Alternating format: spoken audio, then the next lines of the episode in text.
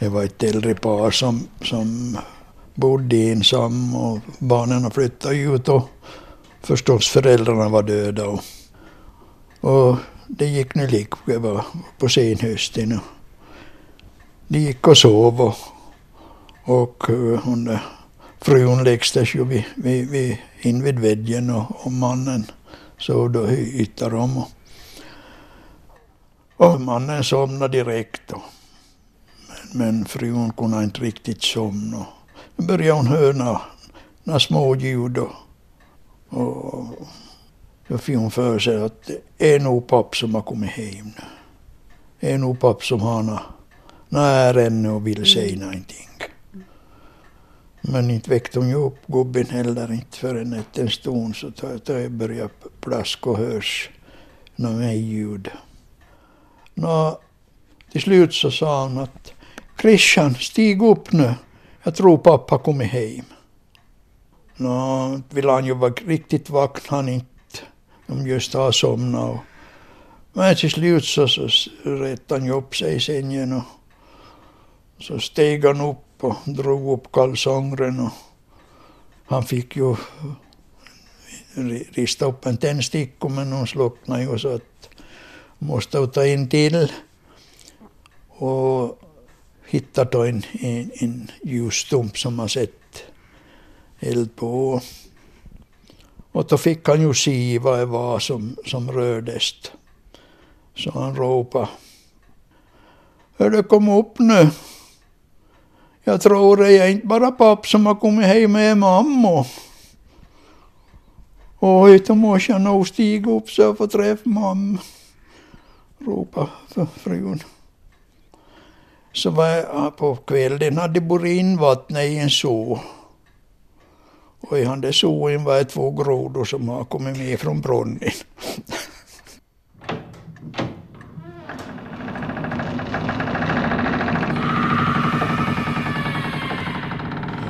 Vad betyder det när man pratar om sanna historier, spökhistorier? Ja, det är väldigt svårt att definiera det sanna spökhistorier för jag tror egentligen själv att det finns inga sanna spöken utan det är saker och ting som har kombinerats på ett sätt och sedan då berättare efter berättare har berättat om det så blir det till slut en, en väldigt sann spökhistoria.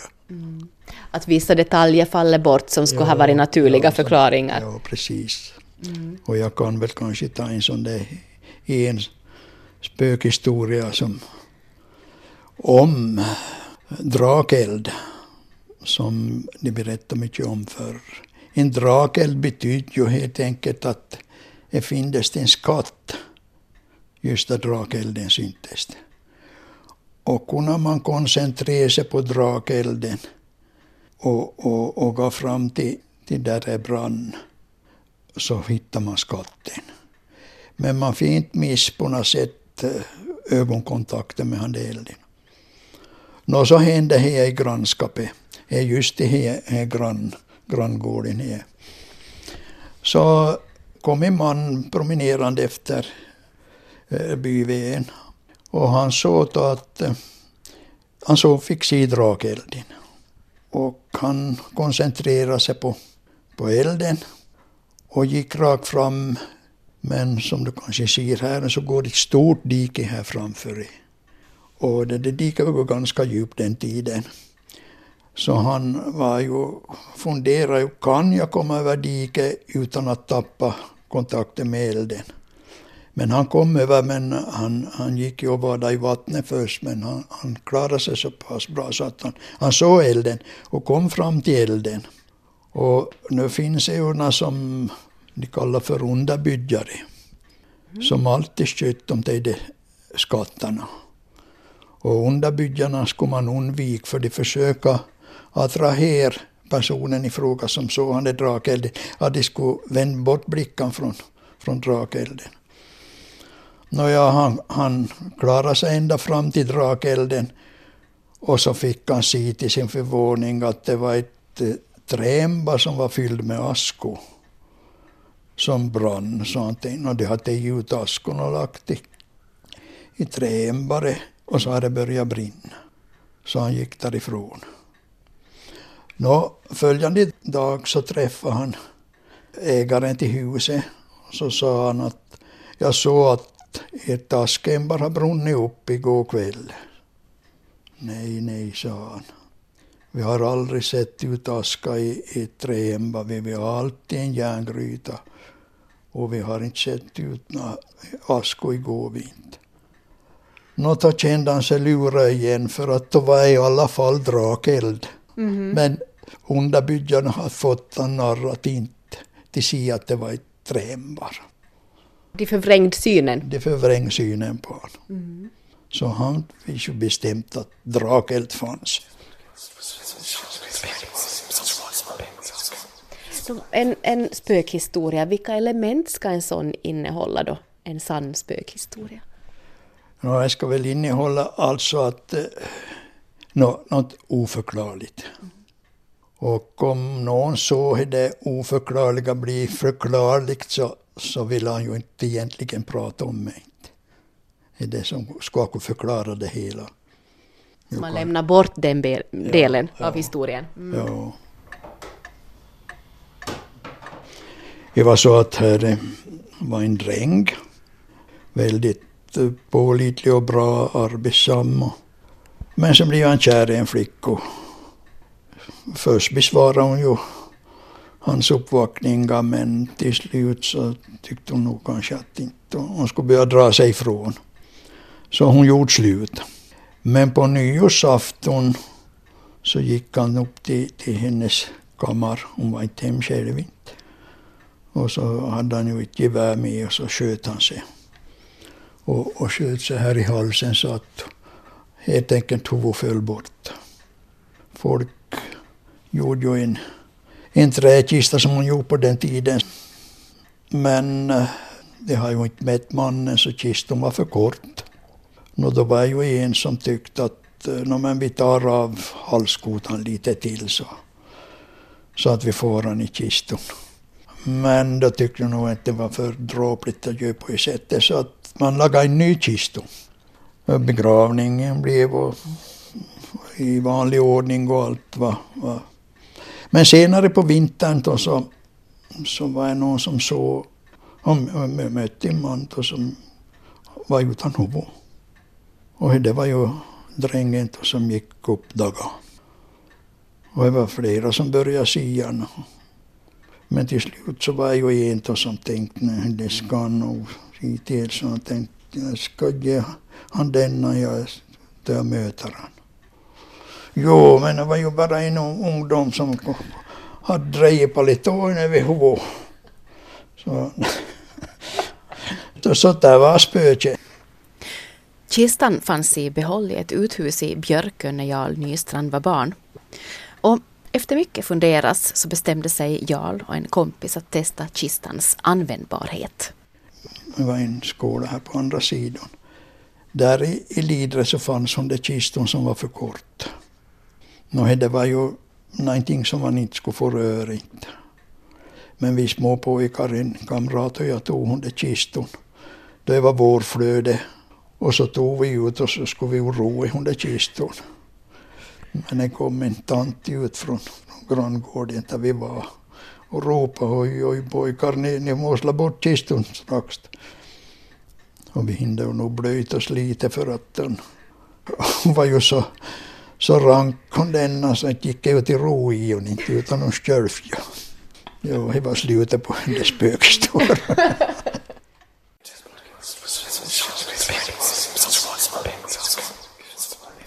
vi hade ju stort fiskeläge här på östra sidan av ön. Och, och eh, vanligtvis så, så får man ju efter fisketurerna for hem till, till, till, hit till fiskehamnen.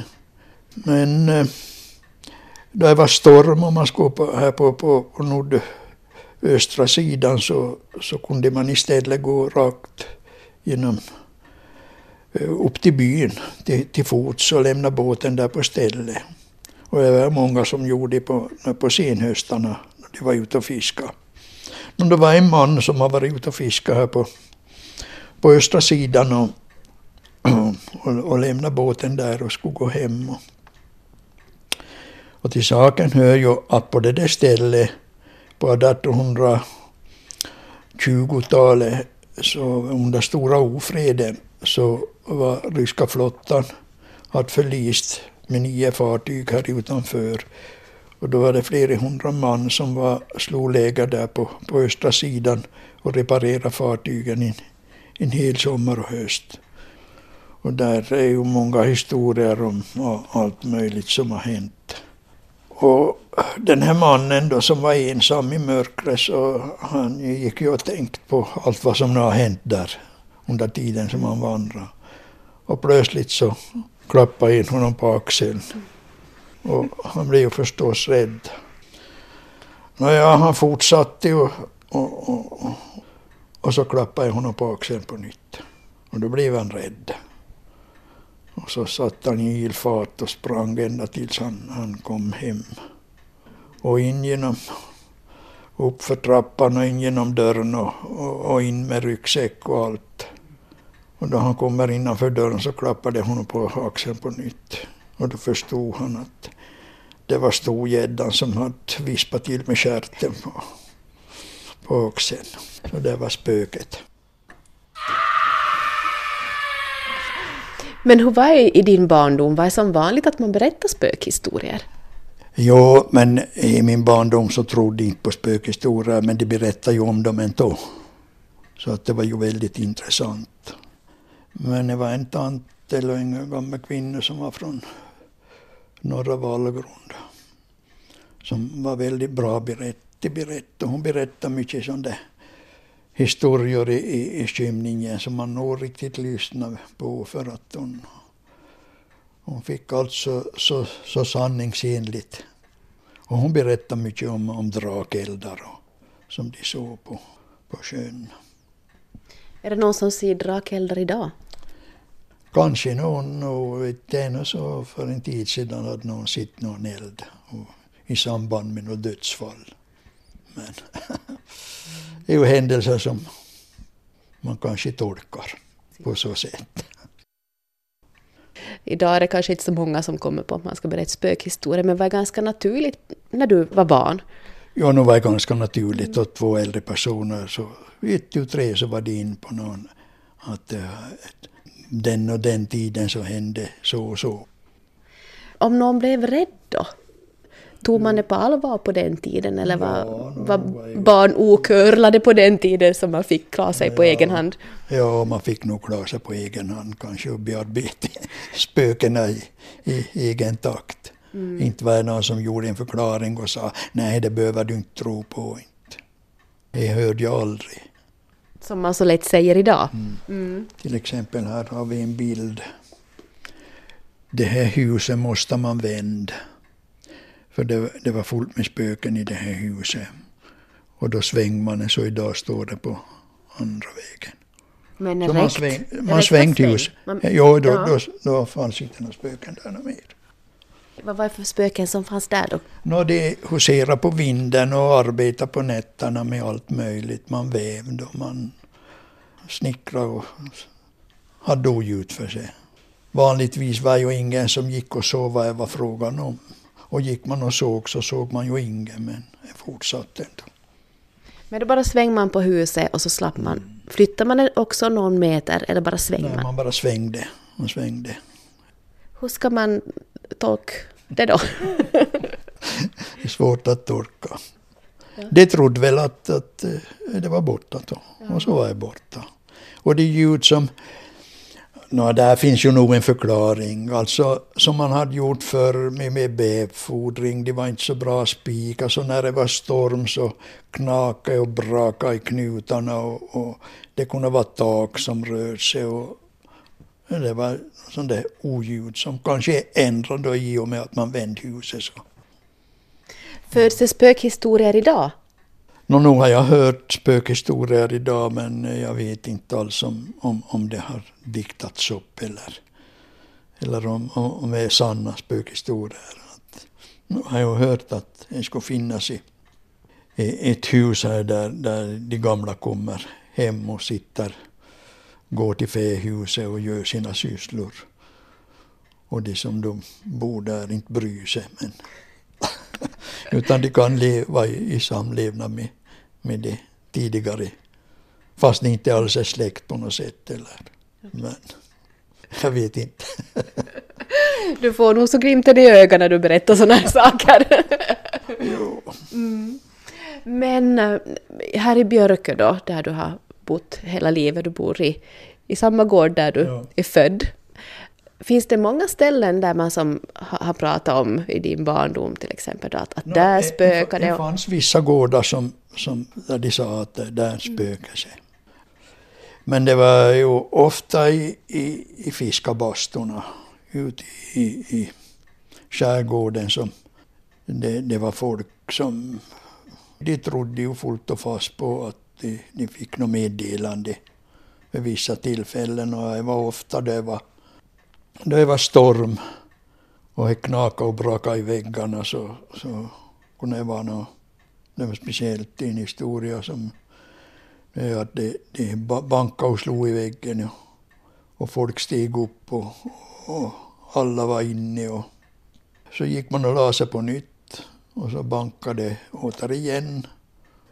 Så gick de ut och, och så om någon var där ute och inte såg de någon inte. Men det var en i alla fall som låg och sov och inte brydde sig. Men det blev en riktig storm och det blev åska och, och, och riktigt oväder. Så att eh, de steg upp och menade att de måste fara ut till sina bragder och hämta den förrän stormen förstörde dem. Mm. Sen då så då, då allt, eh, de har kommit i land tillbaks och men de, de saknade en. Och det var just han som sov. Han hade drunknat då. Och då menade de att det var det här som, som hade drunknat tidigare så han meddelat då att de skulle stiga upp i tid och hämta in bragderna. Så att de tog ett som ett tecken att han sov under de första bankningarna. Att det var just han som, som kom bort. Många av historierna som du berättar också så är, utspelar sig just i Ja, skärgården. det utspelar sig i skärgården. En stor del av just de här historierna om, om de har fått meddelande så, så var ju ofta den föreställningen att de här människorna som, som meddelar sig från havsbottnen har inte kommit i vigd jord. Det var ju liksom tankegångarna förr. Så därför, så fick, därför fick de inte någon ro. Utan de skulle meddela sina kamrater som var i livet att, att de skulle passa sig. Att de inte skulle hamna där bland dem. Det var liksom föreställningen.